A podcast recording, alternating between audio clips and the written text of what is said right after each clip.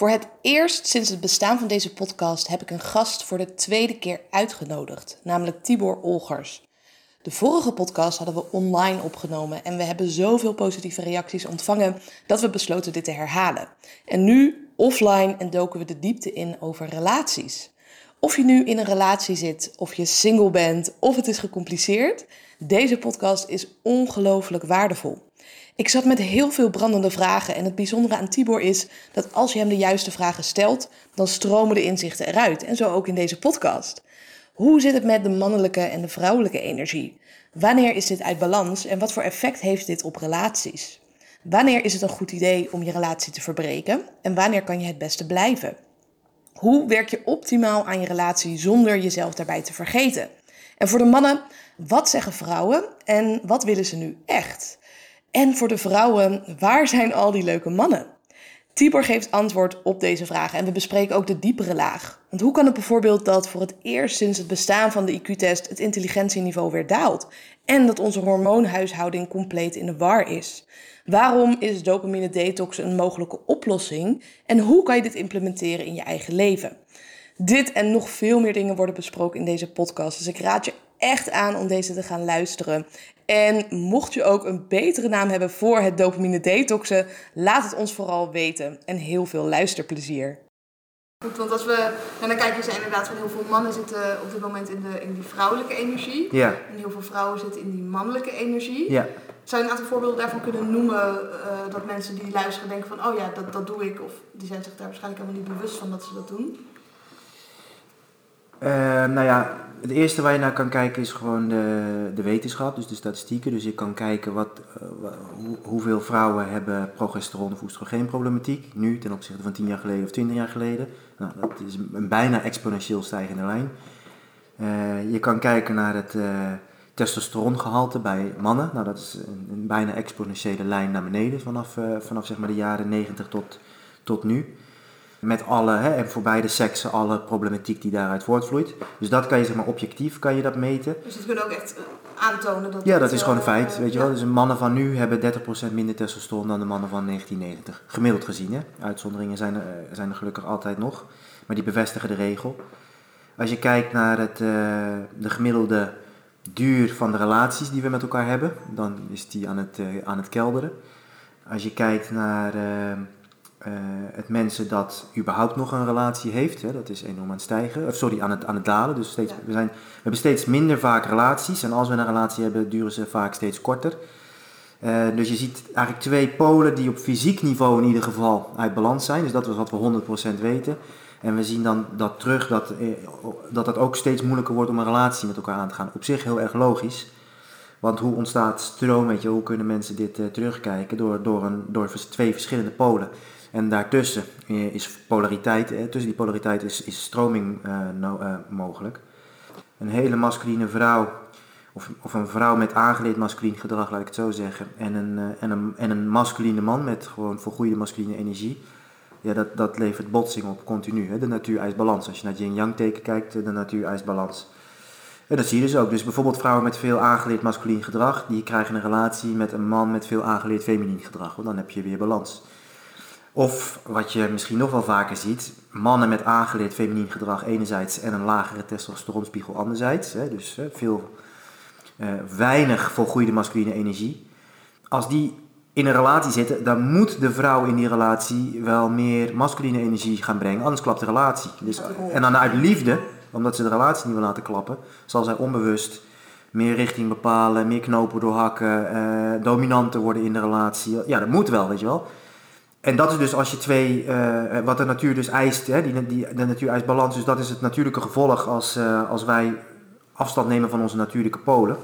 Uh, het tweede wat je ziet is dat neutrale polen, als je twee neutrale polen, dus het is geen plus, het is geen min, het is geen man, het is geen vrouw. Als je twee neutrale polen tegen elkaar aanlegt, dan gebeurt helemaal niks. Weet je wel? Er gebeurt niks in de slaapkamer, er gebeurt niks, in, er is geen...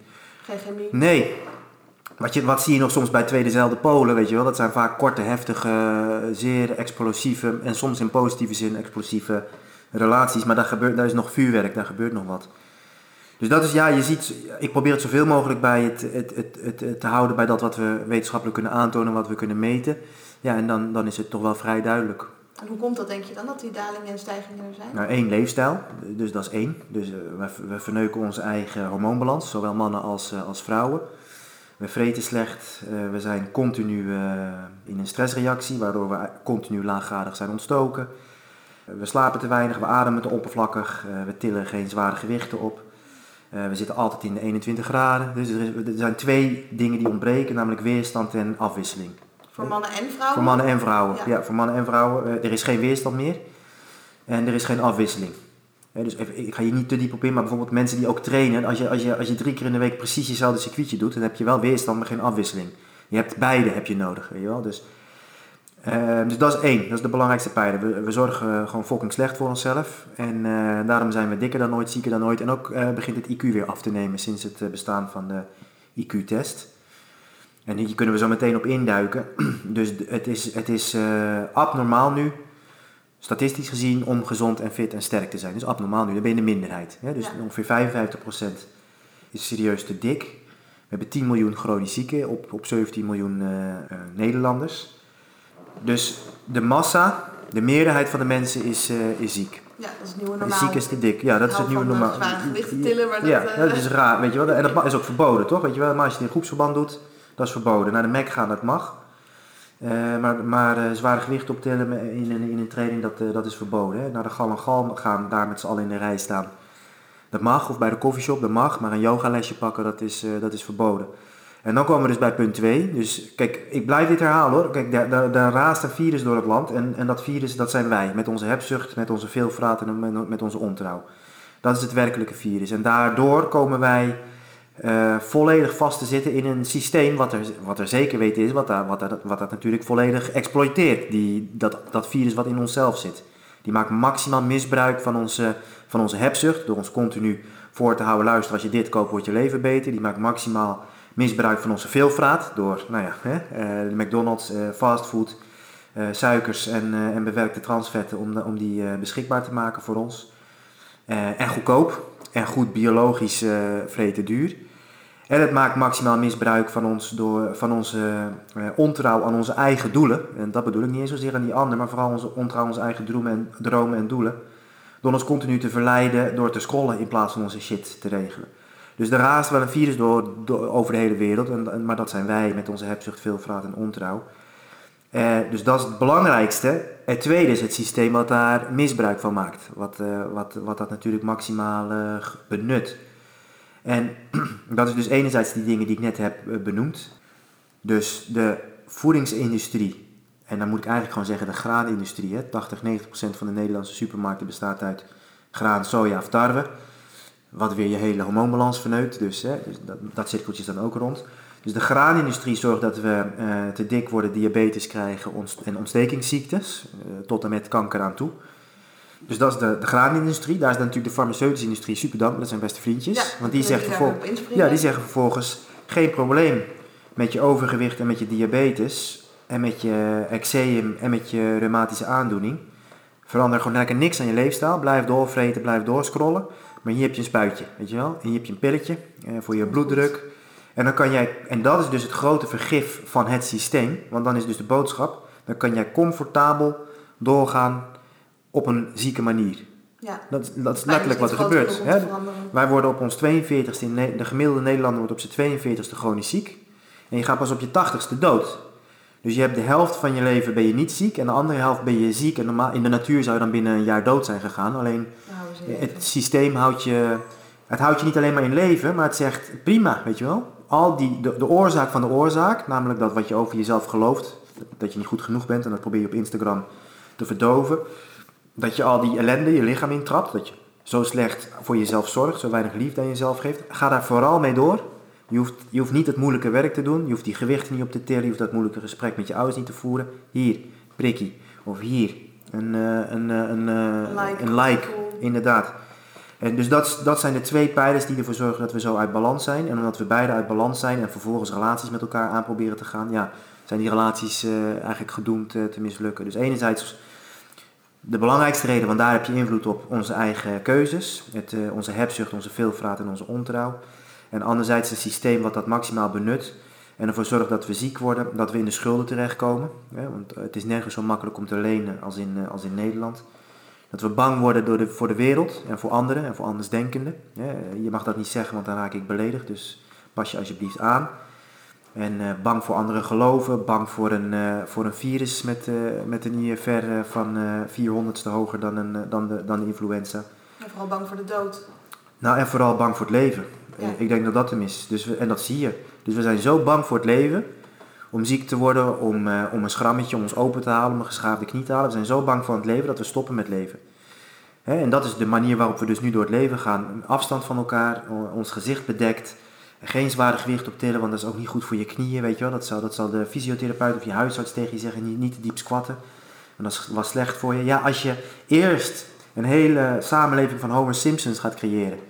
En je gaat vervolgens tegen Homer Simpson zeggen, ja, doe maar niet uh, hard, hard trainen, want dat is, nee, nee hè, hè, weet je wel, dat is gevaarlijk voor Homer Simpson. Die moet, uh, die moet op een intelligente manier de schade gaan, gaan herstellen. Maar dat is wat er, uh, wat er gebeurt. Wij, wij geven hem voor en het systeem die kopt hem in. Ja, precies. Dus we moeten kijken naar ons eigen aandeel. Hoe kunnen je moet, we moeten hem niet meer voorgeven aan het systeem. ja, ja. Dus kijk, je ziet heel mooi die vier tentakels van het systeem. Dus dat is ziekte, schuld, uh, angst en onzekerheid. Angst voor de wereld, onzekerheid over jezelf. Ja, als jij, en ik heb het over zelf veroorzaakt, hè. Sommige mensen hebben gewoon pech. Worden ziek door pech of worden zelfs ziek geboren. dat is het kleinste percentage, denk ik. Ja, die, uh, ja, ja, nee. We hebben het over dat waar je invloed op hebt. Ja. Dus zorg dat je vitaal bent. Regel je shit, til, eh, zorg voor weerstand en variatie. Til die gewichten op, slaap goed, vreet goed. Zoek de kou op, zoek de hitte op. Zorg dat je minder, het is zo simpel, zorg dat je minder uitgeeft dan dat er binnenkomt. Maakt niet uit, al verdien je half modaal, weet je wel, dan kan dit nog steeds.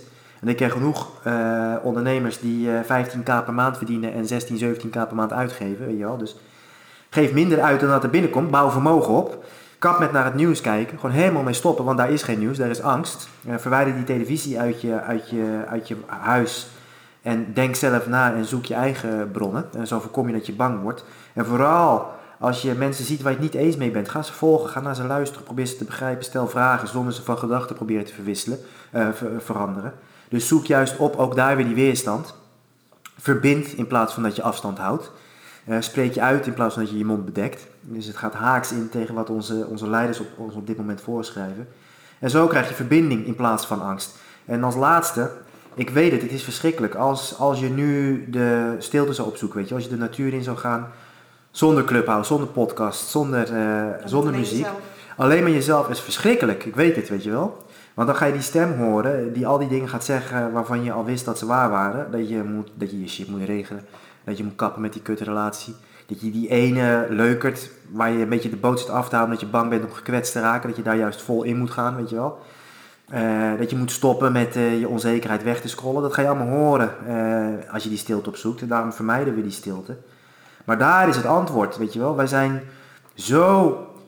Voor mij is ook de enige definitie van verslaving is elk gedrag dat je vertoont om maar niet alleen met jezelf te hoeven zijn. En, en dat is wat we dus continu doen. En daardoor blijven we ons onzeker over onszelf, omdat we alleen maar op Instagram zitten te, te scrollen. We hebben die bevestiging van zijn. Continu externe erkenning nodig. Zie mij alsjeblieft, papa, mama, Instagram, zie mij alsjeblieft, ben ik goed genoeg? Uh, omdat we het niet, niet die bevestiging van onszelf kunnen krijgen. Waarom niet? Omdat we de hele dag scrollen door ons leven gaan. Dus ja, wat kan je doen? Uh, squatten met de kadaver en goed voor jezelf zorgen. Uh, vermogen opbouwen. En vermogen opbouwen in euro per maand ben je al vermogen aan het opbouwen. Je komt in ieder geval niet, dit beseffen mensen ook niet, maar 80% van de Nederlanders staat onder water. 80% van de Nederlanders staat onder water. 10% uh, heeft wat spaargeld. Dan heeft 9,9% die bouwt echt vermogen op. En 0,01% heeft 50% van het vermogen, totale vermogen in Nederland. 9,9% heeft uh, de volgende 35% van het vermogen in Nederland. Dit zijn gewoon harde cijfers. De bodem 80% van de Nederlanders moet de resterende 15% van het vermogen in Nederland met elkaar verdelen. Dus er is geen uh, middenklasse, dat is ook een grote leugen. Je hebt onder en je hebt boven. Dus regel je shit financieel. Zorg dat je vermogen opbouwt. Uh, zorg dat je vertrouwen krijgt in jezelf en zorg dat je verbinding maakt met de rest van de wereld. Nou, dat, dat is het antivirus. Ja, en je hebt het over die stilte. En ik weet ook dat je dat initiatief hebt van uh, die dopamine detox. Ja. Zou je daar iets meer over willen vertellen? Ja, dus sowieso het, het antwoord op al je problemen, al je vragen die je nu hebt over die relatie waar je in zit, over je business, over jezelf. Die antwoorden die zijn er al, uh, die worden zelfs al tegen je gezegd, alleen je luistert niet omdat je de hele dag uh, druk bent. Ja? Dus zodra in jou is een uitzending bezig. Als je, in, eh, als je in God gelooft, dan is het God. Als je in het universum of de natuur gelooft, dan is het de natuur.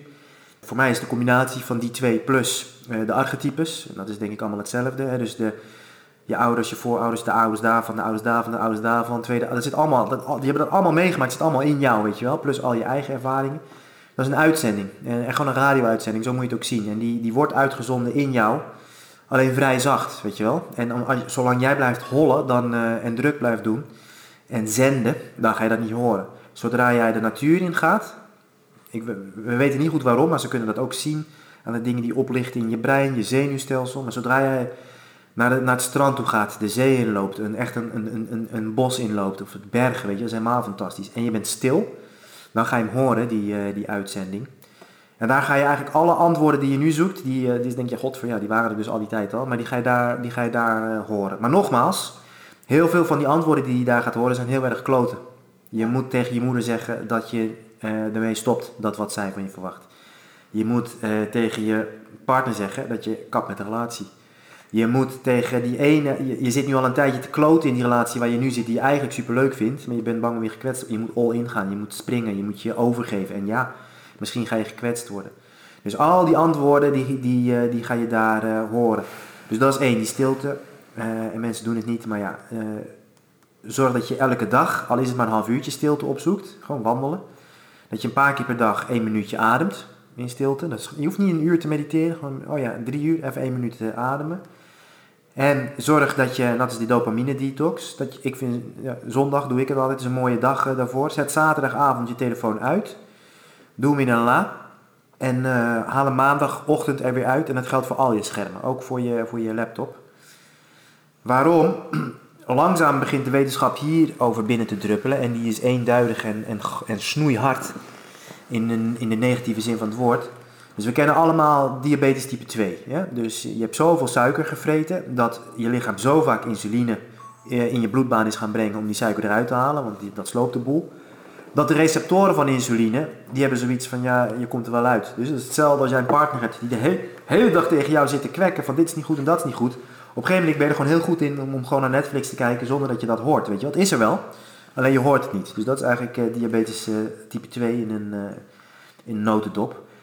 Er is nu een nieuwe vorm van diabetes die minstens even, even giftig is. Minstens. En dat is een, een dopamine-betes. Laten we hem zo maar eventjes dopen. Ik zit te wachten tot er een keer een wetenschappelijke term... Ja, ja, maar dat is wat het is. Dus dopamine is het hormoon... Uh, ja... Beloningshormoon. Het beloningshormoon. Dus wat ze bij ratten hebben gedaan... is dat uh, hebben ze een blokkade aangebracht op hun dopamine-afgifte. Dus die ratten, die kwam, daar kwam geen... Uh, Eerst deden ze gewoon ratjes en dan was een hendeltje en als ze daar aan zaten, dan kwam er eten en dan konden ze dat opeten. Vervolgens deden ze een dopamineblokker bij die ratje. Zetten ze dat ratje weer daar. Daar was het hendeltje. Dus ze wisten dat ook. En ze gingen dood van de honger. Want ze gingen niet meer naar het hendeltje toe om aan het hendeltje te trekken. Er was geen motivatie meer. Als ze eten kregen, in hun mond kregen, dan aten ze op. Dus wat geen moeite doen. Maar dit met een pootje doen, dat gebeurde niet meer. Dus dat is wat dopamine doet. Het zorgt ervoor dat je dit doet. Dat je dat je, je shit eigenlijk gaat regelen. Dat is uh, uh, wat dopamine doet. En het, en het komt vooral vrij als je, als je progressie boekt. Ja, als je die work, ja, als je, als je die workout... Vroeger, als je die workout had gedaan, als je dat boek had gelezen, als je, weet ik veel, die berg had beklommen en je zag dat uitzicht. Boem, kwam er dopamine vrij, weet je wel. In combinatie met endorfine, serotonine. Ah, wat een gelukscocktail. En dat zorgde ervoor dat je eh, weer wilde trainen de volgende dag, weer een boek wilde lezen, weer die berg wilde beklimmen, eh, enzovoort, enzovoort, enzovoort. Wat blijkt nou? Er komt ook een bende dopamine vrij als jij uh, een rood bolletje ziet bij je notificaties. Van Instagram, van je Gmail, van, van whatever. Daarom zijn die bolletjes ook rood. Ze denken omdat, omdat ons brein dat verward met rood fruit van vroeger. Oh, de verte, rood fruit, zoet, ja, suiker. Ja, ja. vroeger, weet je wel, heb ik het over. Ja, dan, als je dan fruit vond, vond dat was fenomenaal, weet je wel. Dan moest je, dan moest je echt naar binnen trappen. Want, ja, want dat, dat was, was een zeldzaamheid. Nu is suiker is er in, in overvloed. Dus je krijgt dopamine als je een notificatie wegwerkt. Je krijgt dopamine als je suiker vreet. Je krijgt dopamine als je scrolt. Elke keer als je je duim beweegt en dat brein dus in je ogen van wat komt er nu. En er komt wat, dopamine. Ja, is dat uh, hondje van Pavlov, hè? Je weet dat het belletje gaat wel, Ja. je weet niet wanneer. Elke keer als er een pingeltje gaat, komt er een dopamine shot vrij. Elke keer als jij op YouTube naar het beginscherm gaat en je ziet alle video's waar je uit kan kiezen, dopamine komt vrij. Ehm, dus dopamine, dopamine, dopamine, dopamine. Dus wat doen de receptoren van dopamine? Dus die dat gevoel geven van hey, goed bezig, die, die luisteren niet meer. Dus wat zie je nu, en iedereen gaat dit herkennen, dan zit je naar een YouTube-video te kijken, wat in principe al voldoende dopamine zou moeten zijn, of een film. Dan heb je tegelijkertijd heb je in je telefoon, terwijl je naar die YouTube-video of die film zit te kijken, zit je op je telefoon zit je te scrollen. Want het is niet genoeg meer, die film. Vroeger was het ook gaan film kijken. En dan zat je anderhalf uur lang, twee uur lang zit je helemaal in die film. Nu zit je in de film en, en tegelijkertijd zit je te scrollen, maar is ook niet genoeg. Dus ondertussen, terwijl je aan het kijken bent en je bent aan het scrollen, moet er, moet er chips of, of eh, zoet of zout moet er ook in. En dan die drie eenheid van dat scherm, dit scherm en suiker in mijn bek. Dan is, het, is er zoveel dopamine dat die half werkende receptoren zoiets hebben. Oké, hier heb je een gevoel van rust. Weet je wel, de, eh, de beloning, zeg maar. Dus we zijn dopamine resistent aan het worden. En het gevolg daarvan is dat als wij dus naar een boek kijken. Ja, nee, weet je wel, dat is veel te, veel weinig beloning. Dat is te weinig, weet je wel. Ik moet en een film, en scrollen, en suiker. En in je relatie projecteer je dat misschien dan ook weer. Precies hetzelfde. Dus je, een gesprek, gewoon een, een gesprek mens tot mens wat wij nu hebben, is niet meer genoeg. En dat zie je ook. Mensen hebben een gesprek en ja, ja. Zonder dat er een pingeltje gaat, kijken ze Ja, al. ja, want ze, ze moeten, eh, het, is niet, het is niet meer genoeg. Dus wat gebeurt er door die dopamine-resistentie? Daardoor raken we afgeleid van, eh, niet, niet, niet van de taak, maar we raken afgeleid van het leven en afgeleid van de mensen die we zelf willen zijn. Dat is de keiharde consequentie. Ehm, we doen die workout niet meer, we lezen dat boek niet meer, we maken niet meer die menselijke verbinding. Want we hebben steeds meer nodig om nog maar iets van voldoening te ervaren. Nog maar iets van, ach, eh, het is eventjes genoeg. En zodra dat ijs, dat Ben Jerry ijs op is en we zijn aan de onderkant van onze tijdlijn en dat filmpje is afgelopen, hebben we meteen weer onrust. Als je één keer in de week, en dat zul je merken, als je één keer in de week een dopamine detox doet, en hij gaat verder dan alleen maar dat scherm hoor, en het wordt een hel voor de meeste mensen, maar dan zal je merken, ten eerste, hoe, wat een geweldige je dag uiteindelijk hebt. Het wordt echt wel zwaar, maar als je in je bed ligt, dan denk je wauw. Maar vooral maandag, dan zie je een boek liggen en dan denk je, oh vet, een boek. Prikkels. En dan komt er een klein beetje dopamine vrij, maar je receptoren doen het weer. En dat is genoeg. Hè, dus dan is een boek lezen genoeg. En als je dan op vrijdag beslist, ik ga één, ik ga één film kijken, of ik ga, eh, ah, en dan kan je gewoon helemaal zitten. En je hebt geen suiker nodig, je hebt je telefoon niet nodig. En als je dan in met vrienden bent, dan is dat genoeg. Dan kun je de dingen die er echt toe doen in het leven, die zijn dan opeens weer genoeg.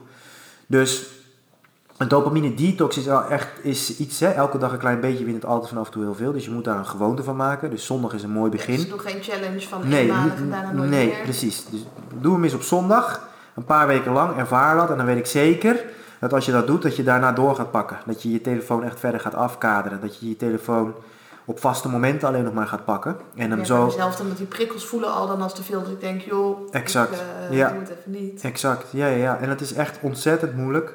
En het komt echt met een prijs. Als je bijvoorbeeld WhatsApp gaat verwijderen en besluit om niet in, in chatgroepjes te gaan zitten. Maar het alternatief, het wel doen en dan proberen op wilskracht, wat volledig kansloos is, zeg maar, eh, gefocust te blijven op wie je bent in je leven, is kansloos. Ja, Heb dus- jij wel WhatsApp dan? Nee, ik heb geen WhatsApp. Nee, ik heb geen televisie, ik heb geen WhatsApp. En ik heb een, een, een, een, een simkaart in mijn iPhone. Sorry, ik heb een, een, een- alleen een simkaart in een verschrikkelijk oude Nokia-telefoon. Die ook helemaal uit elkaar valt. Daar zit geen internet op, geen bluetooth, helemaal niks. Dus ik kan bellen en sms'en. En er zit zo'n T9 woordenboek. Dus als ik de C wil, moet ik drie keer op de A drukken, zeg maar. Je kan alleen Snake spelen. Ja, dat is heel irritant dat ding. En eh, met mijn iPhone, die gebruik ik voor, eh, voor Instagram, voor mijn sociale media en Clubhouse om te pub- en LinkedIn om te publiceren. Daar kan ik niet mee bellen, kan ik niet meer sms'en, eh, enzovoort, enzovoort. Dus dat, die kan ik heel bewust weglaten en dan pakken. Oké, ik ga nu op sociale media weer wegleggen. En dan ben ik per sms en, en eh, 06 bereikbaar voor, voor mijn dierbaren. Ja, Ja. als je verhaal zo hoor, ben je ook aan het produceren, niet aan het consumeren. Ja, exact. Ja, ja, ja, ja. Nee, ik consumeer eh, bijna helemaal niks meer. eh, op geen enkel van eh, YouTube consumeer ik. Geen LinkedIn, Instagram, Facebook. Helemaal Ja. niks. Clubhouse ook niet. Nee. Produceren, ja. Precies. En je zei van, nou, detox is meer dan alleen de schermen niet doen. Ja. Wat doe je nog meer niet? Nou ja, dus wat is, wat, wat, wat, dan moet je verdiepen wat, wat zorgt voor dopamineafgifte. Nou, we hebben al een aantal genoemd. Maar eigenlijk kan je elke vorm van eh, externe input zorgt voor dopamine.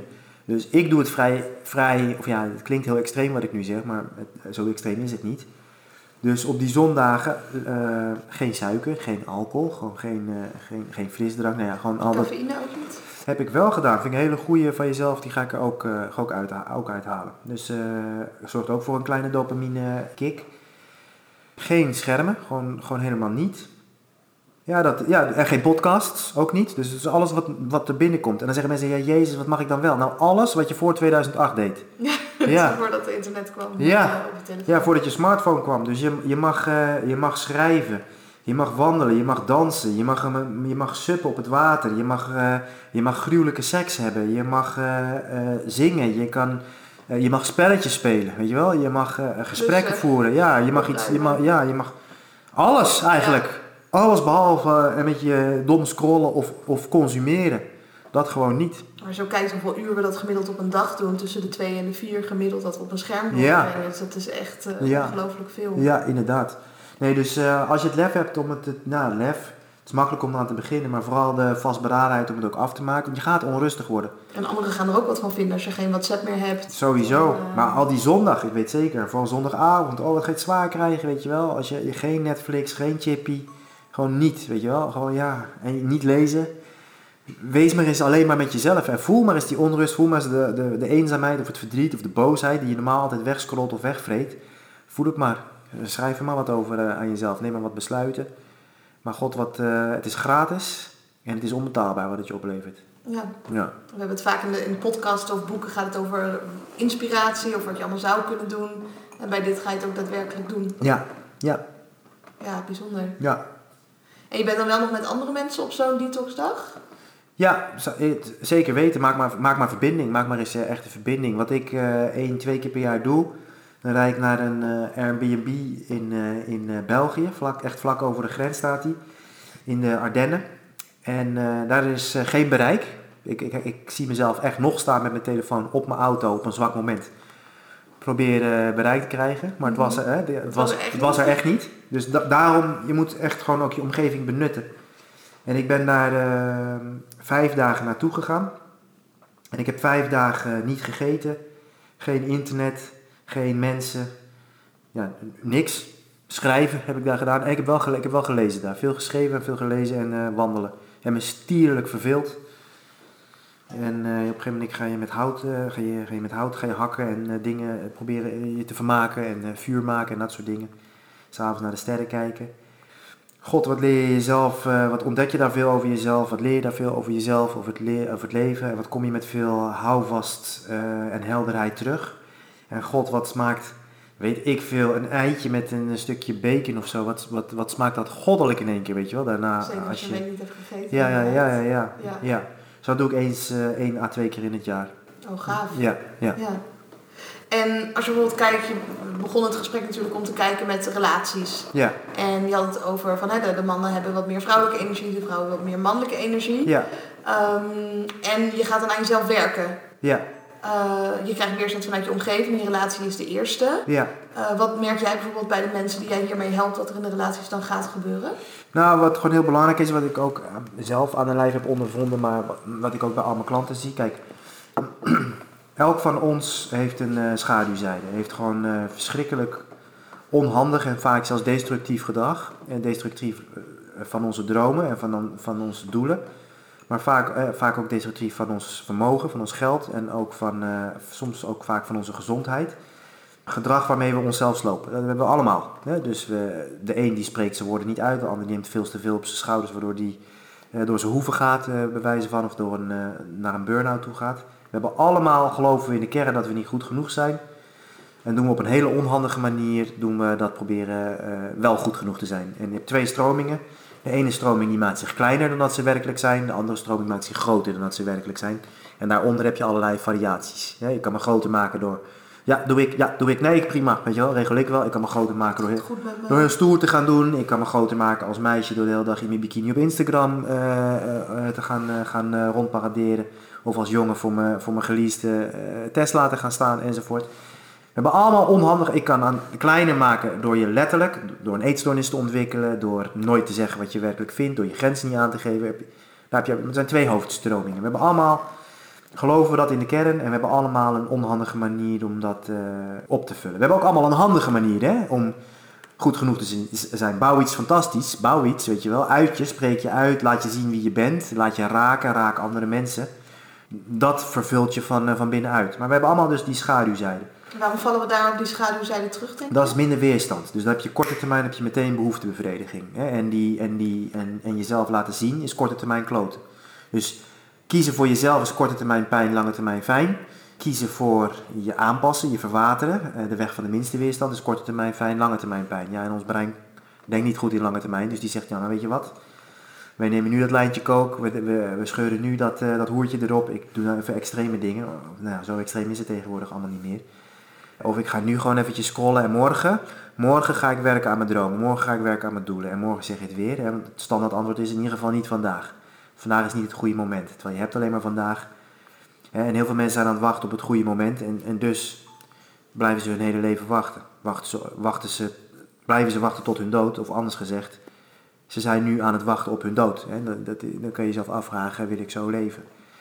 Ik ben zo uh, aan het lullen dat ik weer uh, van, mijn eigen, van mijn eigen pad af Had het over die twee ja. manieren ja. om om te gaan met de overtuiging, ben je niet goed genoeg? Of jezelf groter maken ja. of kleiner maken? Ja. En, uh, en want, wat was je vraag daarvoor? Dan... in de relaties met je Ja. klanten, zeg maar, als zij Ja, ja, Ja. Wat, eh, Ja. wat gaat dat losmaken? Ja, respect als je al die tijd blijft luisteren. Ik raak mezelf zelfs kwijt. maar eh, eh, wat dat voor... Wij hebben dus allemaal die schaduwzijde. Dat wilde ik eventjes uitleggen. En eh, laat ik een concreet voorbeeld nemen. Een, meisje wat eh, thuis heeft geleerd, ze had heel veel broers en zussen en die heeft gewoon geleerd, je moet echt pakken wat je pakken kan, anders, eh, anders, anders heb je niks, weet je wel. Ehm, dus die is, die is echt, weet je wel, ja, die gaat ook zo door het leven. En terecht, weet je wel, dat was vroeger haar eh, kopingsmechanisme in de situatie waarin ze opgroeide. Ehm, dan was er een, is er een jongen en die is opgegroeid met een moeder met eh, borderline. Laten we, laten we even deze kaas verzinnen. Dus die is heel erg goed ge- gaan, geworden in kijken, oké, hoe is het met haar vandaag en wat kan ik doen? Eh, moet, ik, moet ik blij doen? Moet ik me onzichtbaar maken? Moet ik haar helpen? Moet ik, eh, moet ik met rust laten? Zodat, die past zodat, ja, ik pas me aan en ik geef, ik geef, ik geef, ik geef. Zodat dan af en toe, als het goed met haar gaat, dan krijg ik door goed zo, weet je wel. Nou, en als die twee pech hebben, dat, dat meisje en die jongen, dan ontmoeten zij elkaar. Dus dan heb je een meisje wat heeft geleerd, het is eigenlijk eh, nooit goed genoeg en je moet pakken wat je pakken kan. En meer, meer, meer. En die krijgt een relatie met een jongen. Ja, je moet heel erg naar de ander kijken en je moet kijken wat ze nodig hebben. En dan moet je geven, geven, geven, geven. En dat, dat doet hij bij haar. En zij pakt, pakt, pakt, maar het is eigenlijk nooit genoeg. Behalve af en toe. Dan zegt ze, oh wauw, je hebt me nu zo, je hebt me nu zo verrast met dit perfecte cadeau, met deze... En dan krijgt hij een dopamine shot, krijgt hij serotonine, oxytocine en dan, ah, dan raakt hij verslaafd aan. En dan, vervolgens is het weer een maand lang ellende en dan lukt het weer één keertje. En bij haar precies hetzelfde. Hij doet zijn best, weet je wel. En het is elke keer allemaal net niet. Behalve, af en toe raakt hij net alle goede knopjes en wordt ze helemaal vervuld. Nou, dat is dus een relatie die volledig gebouwd is rondom hun twee schaduwzijden. Sterker nog, het is niet zo dat de relatie gebouwd is rondom hun s- schaduwzijde. Het is zo dat die schaduwzijden blijven bestaan dankzij de relatie. En dit is wat heel veel, bij heel veel mensen gebeurt. En dit is mijn antwoord op je vraag. Dus als jij je shit persoonlijk, als je daar niet bewust van bent, van je schaduwzijdes, en je bent daar ook niet actief mee bezig, en je zit nu in een relatie, dan kan ik je garanderen dat jouw schaduwzijdes nu in stand worden gehouden eh, door enerzijds je liefdesrelatie en anderzijds de vriendschappen. Want die zijn allemaal gebouwd op die schaduwzijde. Zodra jij gaat werken aan je zelfvertrouwen, gaan die relaties klappen. Als een relatie klapt, betekent dat niet dat je kan met dezelfde persoon meerdere relaties krijgen. Dat kan. Hè, dus dan, dan klapt de relatie, misschien zie je elkaar eventjes niet meer, dan vind je elkaar weer. Ontstaat er een totaal nieuwe relatie met een totaal nieuwe verhouding eh, tot elkaar. Maar de relatie gaat, dat- zijn wel de uitzonderingen. De relatie gaat klappen. Liefdesrelatie. moet dan ook waarschijnlijk groeien. Het kan niet meer. Hè? Dus als ik. eh, een jongen heeft een relatie eh, met een meisje en hij is de redder en zij is het slachtoffer. De standaard drama driehoek. En zodra dat meisje kapt met een slachtoffer te zijn, zeg maar. En dan kan die jongen opeens niet meer redden. Dus dat hele patroon van die relatie, dat klapt. Dus die relatie die gaat dan ook klappen. En wat zal de jongen doen op het moment dat het meisje zegt, weet je, ik ga coaching doen, ik ga opleiding doen. Die zal zeggen, uit liefde, Nou schat, weet je wel, eh, zou je dat nou wel doen? Ja, dat is een grote investering. Ja, grote investering en je hebt het al zo druk. Ik en- help je wel. Ja, ik help je wel, weet je wel. eh, dat hoef je allemaal niet te doen. En hier heb je wat geld. Allemaal vanuit liefde. Dit gebeurt allemaal op onbewust vanuit een liefdevolle intentie. Omdat op onbewust niveau die jongen aanvoelt, ja, maar dan klapt de relatie. Snap je? Ja, En andersom precies hetzelfde hoor. Als dat meisje, de, het slachtoffer, en de jongen de redder. En de jongen die besluit, ja, maar ik ga gewoon kappen met redden nu. Weet je wel, ze moet het zelf kunnen. En ik geloof ook in haar, ze kan dat. Dan heeft dat meisje twee opties. eh, of ze verzuipt, en dat wil ze niet, dus dan klapt de relatie. Ja, je laat me stikken, weet je wel. Of optie twee, en die kiezen helaas een stuk minder mensen, eh, zichzelf gaan, gaan redden. Weet je wel. En dus wij zijn zelf uit balans. En vervolgens gaan we uit balans relaties aan. En die relaties zorgen ervoor dat we uit balans blijven. Dat is eigenlijk het, eh, het loopje waar we in gevangen zitten. hoe komen we daaruit? Ja, door ten eerste onszelf op de eerste plek te zetten voor de relatie. Dus dat is, dat, dit is de enige juiste volgorde. Eerst jij, dan je partner, dan je kinderen als je die hebt. Dat is de enige juiste volgorde. En dan eh, is het aan je partner om jou los te laten en die ruimte te geven. En vervolgens, als, die, als jij meer jezelf wordt. En, en, en het, is, het is een juiste, niet de juiste, want er zijn meerdere juiste personen voor je. Het is een juiste persoon voor je nadat diegene je los heeft gelaten, jou werkelijk weer iets meer ziet van jou wie je werkelijk bent en daar helemaal verliefd op is, dan is het dus aan diegene om ook naar zichzelf te kijken, oké, welke schaduwzijde in mij heeft ervoor gezorgd dat bij hem of bij haar hè, eh, dit nu is gebeurd en wat heb ik dus te doen? En dan kan er een nieuwe relatie ontstaan. Ja, er zijn twee, maar het kan, en dat is ook prima. Die andere kan ook zeggen, ja wauw, maar deze persoon die ik nu zie, daar wil ik geen relatie mee. Nou ja, prima, weet je wel. Eh, en ik blijf hetzelfde. En dan moet ik iemand anders vinden die klikt in mijn, eh, in mijn huidige, huidige patronen. En zeg je dan ook van, ja, eigenlijk zou je dan eerst wat, dus je zet, je zet jezelf op één, betekent dat ook dat het een veel gevallen goede keuze is om de relatie juist te verbreken? Of zeg je, ik zou dan eerder doorgaan? Want ik kan me wel voorstellen als je dan met jezelf bent en je denkt, oh, dat, dat, dat, ik denk dat we dat allemaal wel herkennen. We twijfelen en denken van, nou, weet je wat, eh laat Ja. zitten die relatie, ik ben Nee. lekker alleen. Nou, ik ben een groot voorstander van, eh, van eh, kiezen, voor, kiezen voor die ene. En als het moeilijk wordt om nog harder te kiezen voor die ene. Ja. Echt met alles dat je hebt. En ik denk dus dat je niet de relatie hoeft te verbreken. Ik denk dat je jezelf op één moet zetten. Dat je, eh, en als, als jouw partner zielsveel van jou houdt. En ook genoeg van zichzelf houdt. Dat is echt een, een tweede essentiële volgorde. Dat er, dat, er, en, dat er een nieuwe relatie, dat je ten eerste de ruimte krijgt. En ten tweede dat er een nieuwe relatie ontstaat. En zo niet, dan klapt de relatie vanzelf, weet je wel. Dus ik denk niet van, oh, ik moet nu voor mezelf kiezen. Dat kan alleen. Dat is een, ik vind het wel echt een belangrijke vraag voor je. Dat is echt een grote misvatting. Ja. Van, ik ga nu aan mezelf werken, dus ik moet mijn partner dumpen. Nee, absoluut niet. Absoluut niet. Als het een juiste persoon is wat die je hebt gekozen, dan zal diegene jou eh, de ruimte geven. Dan zou ik zeggen, blijf in verbinding, weet je wel. En in verbinding kan zijn van, luister schat, ik hou zielsveel van je. Ik ga nu een maand naar whatever, of ik ga een week daar naartoe. En dat ga ik hierom en hierom en hierom eh, doen. Punt. En laat die ander maar eh, reageren, weet je wel. Dus in verbinding blijven is niks meer dan eh, delen wat je voelt en, wat je, en wat je, wat je, waar je behoefte aan hebt, waar je naar verlangt. En dan is het aan, aan die ander om mee te bewegen, of niet. ja. Ja. En ik kan me wel voorstellen dat het lastig is als de ander natuurlijk een bepaalde schaduwzijde heeft. Net als een alcoholist, als hij dan aan de wijn gaat, Ja. dan eh, blijft het niet bij eentje. Dus als je dan natuurlijk dezelfde partner nog hebt met de oude patronen, ben je dan ook sneller geneigd om terug te vallen daarin? Nou ja, je zal, als jij echt een transformatie doormaakt, en mensen maken elke dag transformaties, dan zal je bij dat eerste wijntje, en whatever, hè, dat kan letterlijk een wijntje zijn, het kan een klap in je gezicht zijn, het kan genegeerd worden zijn, het kan zijn dat eh, weer die laptop belangrijker is dan jou. Als jij echt die transformatie hebt doorgemaakt, dan loop je weer tegen die achterkant van dat laptopscherm aan, weet je wel, of, of het wijntje of whatever. En dan zal je in één keer vanuit liefde, echt vanuit liefde kunnen zeggen van, hé, hey, dit, dit was hem, weet je wel. Eh, dus nee, ik denk niet dat als jij voor jezelf kiest en je maakt de transformatie, dan, wat ik zeg, de oude relatie die klapt dan, 100%, die klapt. En dan of jullie gaan uit elkaar, of er komt een fantastische next level relatie. Ja, want ik denk dat je de ander daardoor ook beter kan helpen, want dan zie je ineens die dingen. Ja, Dat je zegt, joh, nou ja, jij, waar, wat jij, hoe je de ander helpt, is door niet meer te faciliteren in die schaduwzijde. ja, precies. Dus eh, nee, jij kan niet mij, mij niet meer redden. Of nee, Eh, jij kan niet meer mijn slachtoffer zijn, hè? whatever.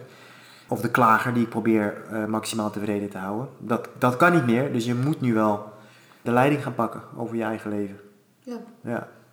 En gaat dit dan met name over de mensen die dan de tegenpolen zijn, of ook die neutrale mensen waarbij het allemaal een beetje, eh, nou, moi is? Nou, ik denk dat dat twee verschillende dingen zijn waar we met z'n allen aan moeten werken. Dus ik denk dat iedereen. Kijk gewoon naar de, naar de fucking natuur, weet je wel. Eh, dus dat, dat gaat over de polariteit. Dus eh, ja, zorg goed voor jezelf. Kijk ook naar wat is nou vrouwelijke energie in de puurste vorm. Wat is nou masculine energie in de puurste vorm? Wat, laat de- wat leert de natuur daar ons over? Wat leren die hormonen daar ons over? Nou, daar is de wetenschap over uitgesproken. En wat is dat voor de mensen dan? Wat is die masculine en die feminine energie? Feminine energie is eh, openheid, overgave en creatie.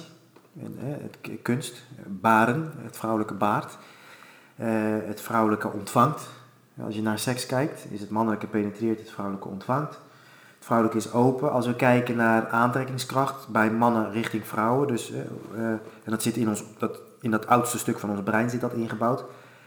Dan vallen mannen in de eerste plaats op indicatoren van vruchtbaarheid. Gezond, eh, gezond lijf is dat voor een vrouw. Dus brede heupen, slanke tijen, gezonde ogen, gezonde huid, gezonde haren. Allemaal uiterlijk, ja, kloten, maar enerzijds. Maar anderzijds openheid. Dus je ziet dat mannen zich enorm aangetrokken kunnen voelen tot vrouwen die niet voldoen aan de klassieke schoonheidsidealen. Maar die zo open in het leven staan, oogcontact maken, lachen, nieuwsgierig zijn, vragen stellen, een open houding hebben. Vinden mannen ontzettend aantrekkelijk.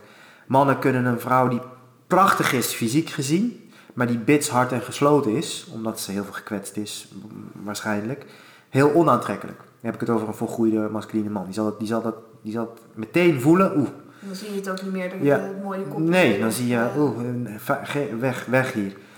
Dus man, vrouwelijke energie, openheid, overgave, eh, creatie. En bij alles wat ik zeg, hè, als je twee belcurves tekent, bijvoorbeeld op het gebied van openheid, en eentje is mannen en eentje is vrouwen, dan liggen die zo goed als exact over elkaar heen. Alleen ligt, als we bijvoorbeeld openheid pakken, ligt die van de vrouwen ietsjes meer naar rechts. Dus de meest open mensen zijn altijd vrouwen. Ja?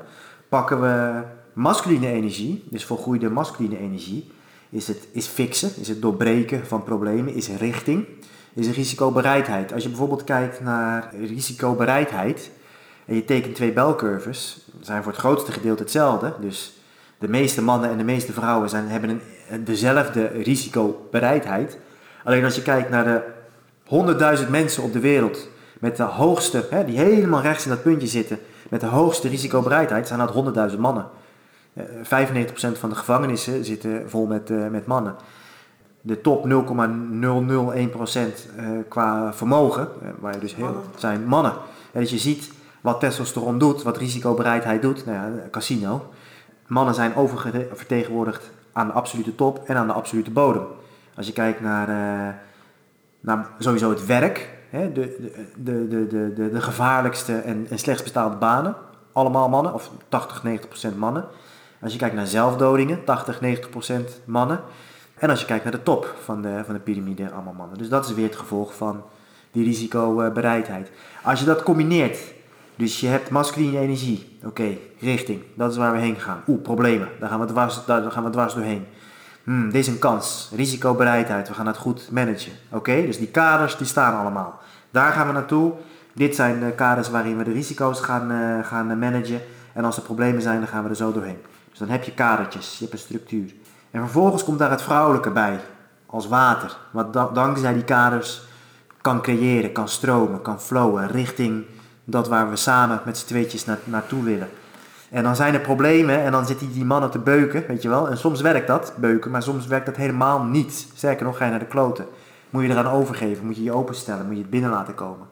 En zo gaan we af en toe er dwars doorheen, af en toe eh, ontvangen we, af en toe moeten we gaan liggen, maar, maar, maar er is stroming. Hè? Dus zonder die kaders, als ik hier nu een emmer water ondersteboven keeper, ja, dan, dan gebeurt er niks. Dat water dat gaat alle kanten op, dus nergens heen en is er geen kracht. Maar als wij kaders maken en we gieten er dan een emmer water in, of we, spuiten door een slang, dan kunnen we eh, een hele vuile stoep kunnen we schoon spuiten met de kracht van, het, van dezelfde hoeveelheid water.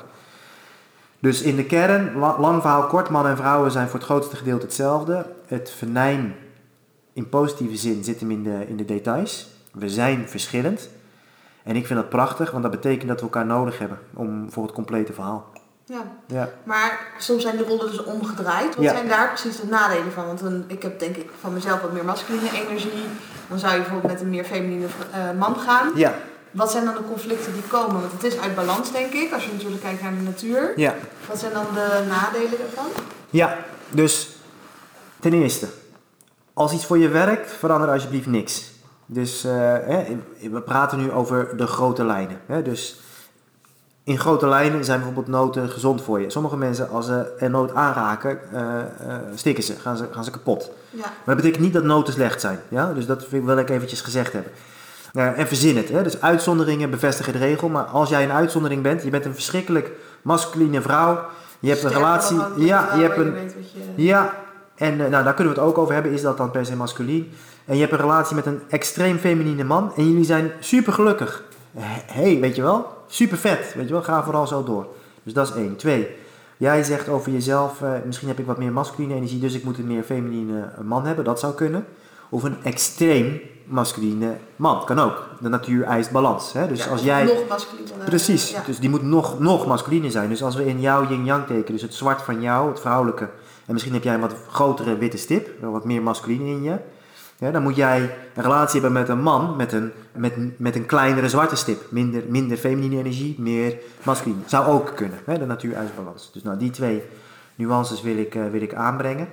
En de vraag was als het zeg maar omgekeerd Ja. is, wat zouden daar de nadelen dan van kunnen zijn? Want dat gebeurt denk ik wel meer in onze maatschappij. Nou, er, er kunnen dus twee dingen gebeuren. Of je gaat, nou, kunnen, kunnen, ja, er kunnen twee dingen gebeuren. Of je gaat elkaar afstoten. En, en, en ik, ik krijg heel veel berichtjes van vrouwen klagen over hun man. Ja, die krijg via Instagram Ja, denk ik ja heel veel En- berichtjes van eh, hij is zo lief, hij is zo aardig. Hij zegt altijd, en weet je, hij bedoelt het goed en, en alles wat ik wil, wat krijg Dat ik. is ook nooit goed. Ja, ja, maar om te kotsen. Ja. Weet je wel? En vroeger was hij niet zo. Vroeger ging hij met zijn maten ging hij voetballen. Nu zit hij thuis op de bank. Hij gamet veel. Eh, als ik zeg ze wat leuks doen, zegt hij prima wat jij wil, schatje. Weet je wel? Hij is richtingloos. Eh, hij doorbreekt geen problemen meer. Hij neemt geen risico's meer. En eh, ik walg van hem. Ik hou van hem en ik walg van hem. En dat is een hele natuurlijke vrouwelijke reactie. Ja, de natuur is vrouwelijk, moeder natuur. eh, het is natuurlijke selectie. Dus het is vrouwelijke selectie. Het vrouwelijke selecteert. En hoe, hoe, hoe, hoe neem je een selectie af? Als je als bedrijf iemand aanneemt of als speciale eenheid, hoe, hoe selecteer je recruten? Met testen. Dus vrouwen test, eh, vrouwelijke selectie, vrouwen testen. Ja, continu. Hoe testen vrouwen? Dat als jij als man zegt, ga nu echt gezond leven, ik ga, ik ga eh, goed trainen en zo. Wat doet een vrouw onbewust op vrijdag? Dan zegt ze, hier schatje, je, je hebt nou deze week vier keer getraind, sla vanavond over. Kijk eens, ik heb biertjes voor je of ik heb een taart voor je gebakken. Kom nou, eh, kom nou gewoon lekker onder het dekentje bij mij. Dit is een fucking test. En heel veel mannen eh, trappen er met ogen over. En die zeggen, ah dankjewel schatje. En die pakken dat biertje, die zeggen hun vrienden af. En ze is blij. Op dat moment is zij blij. En van binnen is er bij haar iets geknapt. Want je hebt de test niet gehaald, sukkel. Weet je wel? Dus Ja, als je natuurlijk kijkt naar het toekomstperspectief, als je later kinderen zou je krijgen. bent onbetrouwbaar. Ja. Je bent je richting kwijt. Jij hebt gezegd, ik ga dat doen. Ik hou één biertje voor en je, en je, en je, en je, je gaat het al. Dus wat ga jij doen als zo meteen inderdaad die crisis komt? Als, als we een kleine hebben en de auto gaat stuk en de wasmachine gaat stuk. Wat ga jij dan doen? Jij hebt nu laten zien, het is allemaal onbewust dit. Ja. Dus je krijgt, eh, dus, dus lang verhaal kort, ik krijg heel veel berichten van vrouwen. Zien bij hun man, hij is zijn masculiniteit aan het verliezen. Zijn richting, zijn doortastendheid, zijn vastberadenheid, zijn vechtbereidheid, zijn risicobereidheid, de seks. Het is allemaal zacht, lief en aardig, maar ik wil ook gewoon een keer genomen worden door mijn, door mijn man. Dus het leidt, ja, ik, ik, dit- ik kan hier natuurlijk niet een eh, representatief, eh, goed statistisch onderzoek eh, van, nee, maar van je, maken. je hebt aardig wat volgers, dus ik denk dat Ja. je wel... Ja, Tinder kwam, kwam anderhalf jaar geleden met een onderzoek waaruit bleek dat 80% van de vrouwen op Tinder heeft seks met 20% van de mannen. Dus je ziet, als je dat tot je door laat dringen, is het heel treurig. Als je als man dus niet bij de top 20% zit, ben je onzichtbaar voor het vrouwelijke. Je ziet verder dat een vrouw liever een man deelt met andere vrouwen die, een, eh, ja, ja, die aan bepaalde eh, criteria voldoet. Waarschijnlijk een hoge testosteronspiegel. Dan dat ze een lieve, zachte man kiest die helemaal voor haar wil gaan, die betrouwbaar is, die trouw is. eh, om voor zichzelf te hebben. Dus als je dat tot je door laat dringen. Anderhalve ma twee maanden geleden inmiddels kwam Tinder met een nieuw onderzoek. Vroegen ze alleen maar aan vrouwen, eh, kregen ze dus foto's te zien van mannen met, met het verhaaltje erbij. Vind je hem bovengemiddeld of ondergemiddeld? Vrouwen, de vrouwen, vonden 85% van de mannen ondergemiddeld. Dus dat, dat, dat kan natuurlijk statistisch Nee, gezien helemaal niet.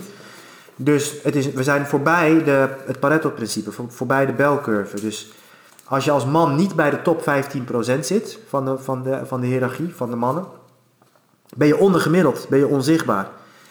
En eh, dus dat is, dat, is, dat is wat je dus enerzijds ziet. Vrouwen, ja, walgen vind ik zo'n vervelend woord, maar toch is dat wat, wat, wat ik heel Dus veel terugkrijg. De mannelijke man. Ik hoor het ook in mijn omgeving. Ja. Van waar zijn de, Ja. de leuke mannen? Ja, ja. Als een vrouw dat tegen mij zegt, waar zijn, eh, waar zijn, waar zijn de, de masculine mannen? Dan zeg, is mijn antwoord, eh, kijk eventjes in de spiegel. Hoe vrouwelijk ben jij? Dat is mijn snoeihard eh, antwoord. Ja, wat zou een masculine man willen voor Ja, partner? Want geloof me, ze zijn er, weet je wel, ze zijn er. Die fysiek, fysiek gezond zijn, financieel gezond zijn, die richting hebben, die trouw zijn, die barsten van het testosteron, maar dat allemaal willen richten op één vrouw en één gezin, ze zijn er. Alleen ja, dat soort mannen, die hebben het ook voor het uitkiezen. En wie kiezen die? Vrouwelijke vrouwen, weet je wel. Dus dat is mijn standaard reactie ook voor de vrouwen die nu zitten te luisteren. Ja, ik, ik zie ze niet hoor, ik kom alleen maar poesies eh, tegen. Ja, Kijk eventjes naar jezelf. Ga je alleen maar voor de foute boefjes, hè, die lijken op de mannen die het op orde hebben? het niet zijn. Nee, die het absoluut niet zijn. Hè, dus, en je krijgt altijd meer van dat wat je tolereert. Dus als jij het tolereert dat je een man kiest die ook andere vrouwen erop nahoudt, dan zegt het universum: oké, prima, weet je wel, dan krijg je daar meer van. Eh, maar kijk ook vooral eens naar je, naar je eigen vrouwelijkheid. En dat is enerzijds slecht nieuws, hè, dus dat is, je moet ook een beetje geluk hebben met je genen. Maar voor een heel groot gedeelte is het gewoon verzorging. Ben je verzorgd, weet je wel? Maak je er wat van? Dit is, allemaal super seksistisch. Ik vind het ook echt kut voor vrouwen. Maar, maar, maar zo werkt aantrekkingskracht voor ons mannen, weet je wel. Wij kijken heel erg naar... Oh, dat zit gewoon in ons brein in. Aantrekkingskracht, niet liefde. Ja? Maar aantrekkingskracht werkt zo. Ben jij verzorgd en ben je verzorgend? Zit het er in ieder geval in. Dat is iets heel anders van een vrouw moet de hele dag achter het aardig staan. Absoluut niet, weet je wel. Een vrouw, in mijn ogen, moet zichzelf absoluut zelf kunnen dragen. Financieel, emotioneel, op elk, eh, op elk eh, gebied moet ze zichzelf kunnen dragen. Dat is voor mij iets anders dan onafhankelijk zijn. Onafhankelijk betekent ik heb niemand nodig. Ik heb keihard heel veel mensen nodig in mijn leven, weet je wel. En eh, ik kan mezelf dragen.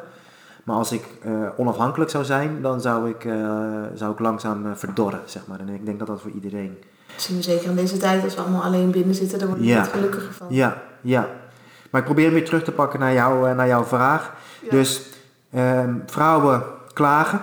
eh, en, in mijn, en ook terecht. En ook als we gewoon nogmaals weer naar testosterongehalte kijken. Als we kijken naar de hoeveelheid mannen aan de gedragsmedicatie, aan de antidepressiva, aan eh, het aantal mannen dat... eh, het aantal zelfdodingen is met 80% gestegen. En 85% van de zelfdodingen zijn mannen hè, de laatste 10 jaar. Nog maar 40%, de, lijn gaat ongeveer zo, van het eh, percentage mannelijke WO-studenten. Gaat naar beneden. Nog maar, nog maar 4 van de 10 zijn, eh, zijn jongens. 60, 70 procent van de schooluitvallen zijn jongens. Dus het gaat gewoon steeds slechter met, eh, met de jongens. En de vrouwen balen ervan. Dus, en dat zien we terug in, eh, in de relaties.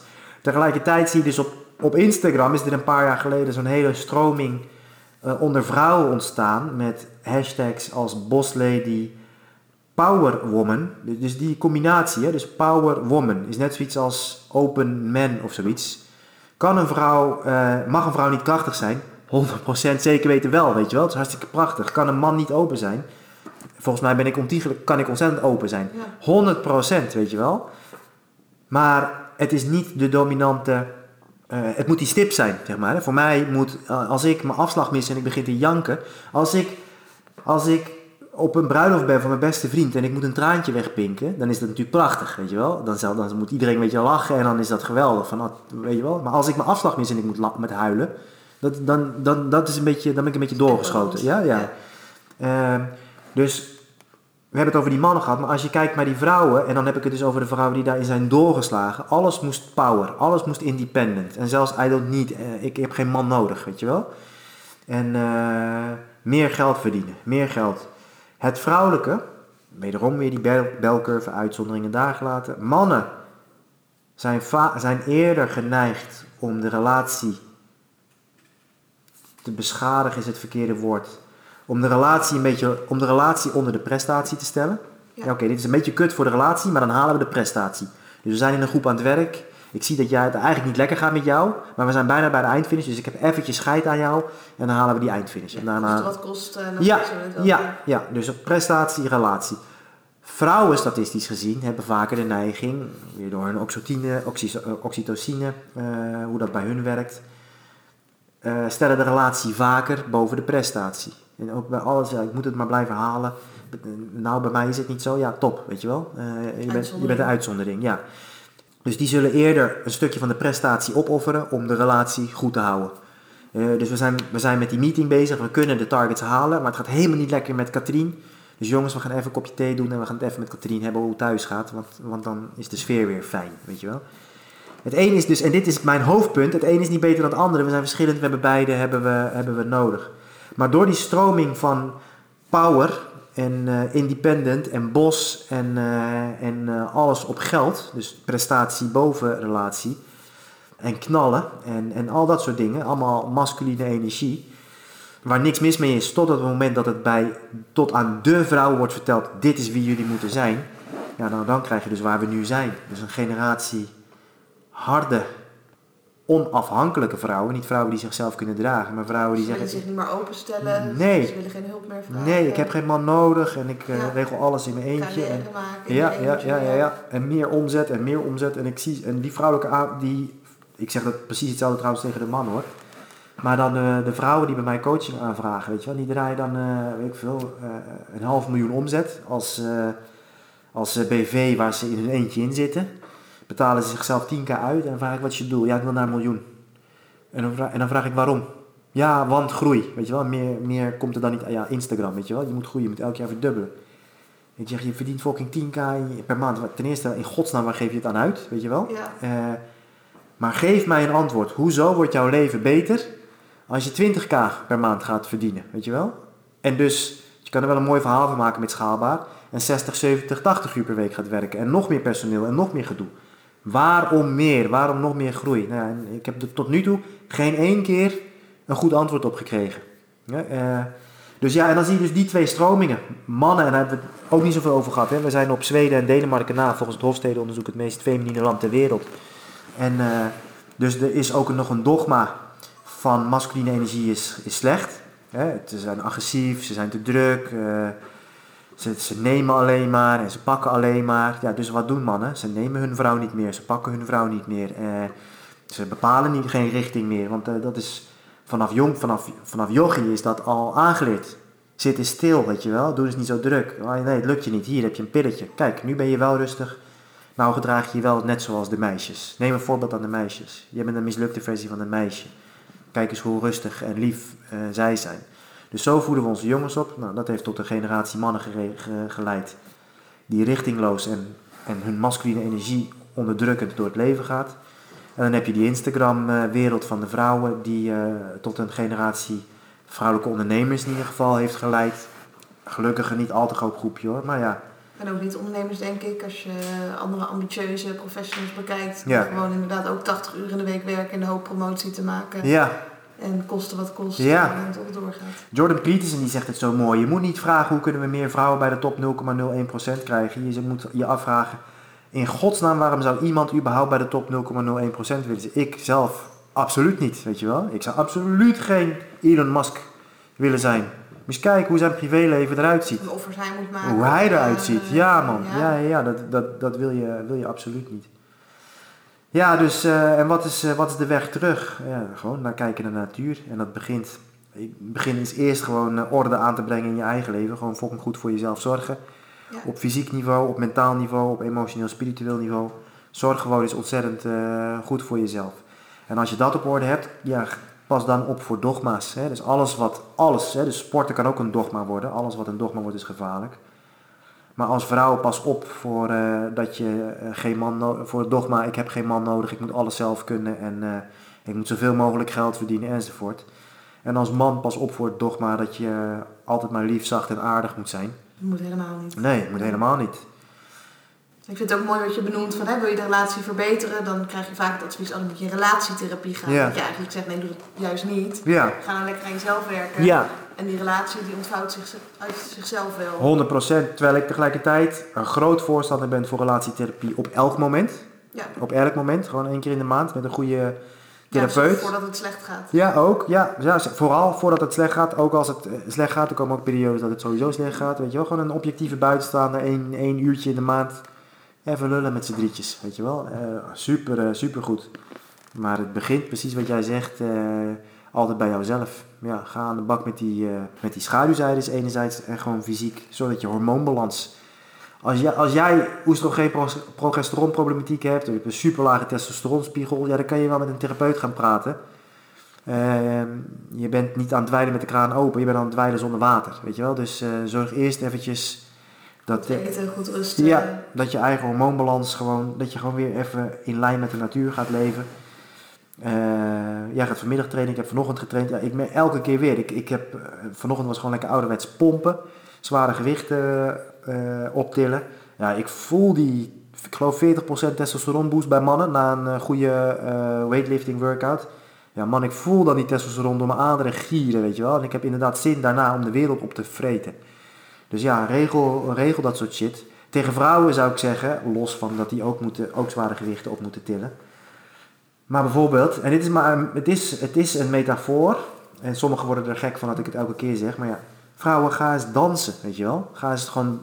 Kom in die vrouwelijke energie. Ja, want wat is dansen? Durf juist sexy te zijn. Denk Ja, vrouwen ook snel ja. van, oh, dat mag niet. Ja, ja, ja, zo, dat, ja, dat is ook weer zo Nederlands. Hè? Als, je in, als je in Colombia of, of, of eh, in, in Midden- of Centraal of Zuid-Amerika, als een meisje daar mooie kleren aan doet, ze doet haar haar mooi en er is muziek en, en ze begint te dansen, dan iedereen, mannen en vrouwen, oud en jong, ai mami, en dan gaan ze klappen en aanmoedigen en wauw.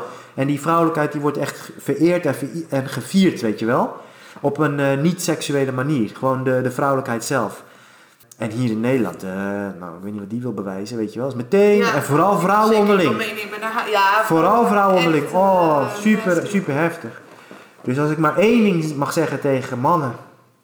Nee, twee dingen zeggen tegen mannen is het til zware gewichten op en kies richting. Dus eh, een ondernemer is daar een prachtig eh, middel voor. En als ik eh, twee dingen tegen vrouwen zou mogen zeggen, dan zou ik zeggen til zware gewichten op en ga dansen, weet je wel. Salsa of whatever, maar een vrouwelijke, een vrouwelijke dans. En geef je eens over aan die muziek. Die stem in je kop die gaat allemaal dingen zeggen dat je niet mooi bent, dat je het niet kan, of dat je hoerig bent, of whatever. Ja, inderdaad, inderdaad. Maar eh, wat leer je daarbij dansen? Eh, overgave. Dus, eh, en moeten vrouwen ook richting bepalen? Ja. En moeten mannen ook dansen? Ja. Ja, dat is die kleine stip in plaats van het grote geheel. Juist, ja. Maar even concreet, als mensen hiermee aan de bak willen. Als man, kijk, ik vind onder die stang die in je nek ligt, of die je van de grond optilt. Erwin van Beek zegt dat zo mooi ook.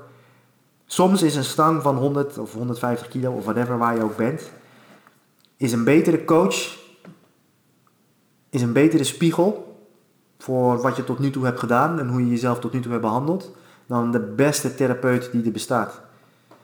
Hè, jij weegt, eh, jij weegt eh, 70 kilo, er ligt een stang van, eh, van 100 kilo op de grond. Die zou je dus met gemak moeten optillen in een deadlift. En je, je, je, je kan er niet eens eh, rollen, weet je wel, 5 centimeter. Ja, dat is even een stukje feedback wat jij van die stang krijgt over de keuzes die je tot nu toe hebt gemaakt. Maar als je gaat backsquat, daarom vind ik bijvoorbeeld backsquat ook zo mooi. Want naar beneden, dat gaat wel, weet je wel. Als je die stuit, Omhoog. maar, die, maar omhoog, wat doet die stem in je kop, weet je wel? En als je drie herhalingen hebt gemaakt je bent, en die vierde, dat was al knokken en je moet er nog eentje. Wat doet die stem in je hoofd? Dus voor mannen zou ik zeggen, weet je wel, los van de testosteron boost die het je geeft, elke, elke keer weer opnieuw. Joh, als je ergens risicobereidheid traint, vastberadenheid traint, doorzettingsvermogen, richting, dan is het eh, met zo'n stang in je nek. En als ik dus maar één ding aan een vrouw zou mogen geven, en dan, waar je, er- ergens waar je openheid, waar je verbinding, oogcontact voelen, vol- volgen, eh, verbinden met de muziek, verbinden met de ander, verbinden met jezelf. Ja, als je dat ergens oefent, dan is het met dansen. Ja. Ja, Dus ga lekker sporten, kom in beweging Ja. letterlijk. En dan voor de vrouwen de dans en de mannen de ijzers. ja, ja, precies. En andersom 100% zeker weten ook. Maar als ik nu maar één ding mag zeggen van, hè, om het, Om meer in die energie in ieder geval te komen Ja. en daar contact mee te maken. ja, ga dat doen. Ja, ja, ja. Ik denk dat het hele mooi is om bij af te sluiten. Ja. Dus heel erg bedankt hiervoor. Top, Yes. dankjewel. Hartstikke leuk dat je naar deze podcast hebt geluisterd. Mochten we nog niet connected zijn, volg me even op Instagram, @isabellelifts of download even mijn gratis e-book met meer dan 50 tips over mindset via isabelleveteris.com. En ik hoor ook heel graag wat je van deze podcast vond. En dat kan je doen door even een screenshotje te maken van eh, de podcast zelf, via Instagram even te delen wat je ervan vond en mij natuurlijk even te taggen. Want als topsporter kan ik alleen maar leren van feedback en hoor ik ook heel graag wat je ervan vond. En uh, ik wens je ook een hele fijne dag en dankjewel voor het luisteren en tot de volgende keer.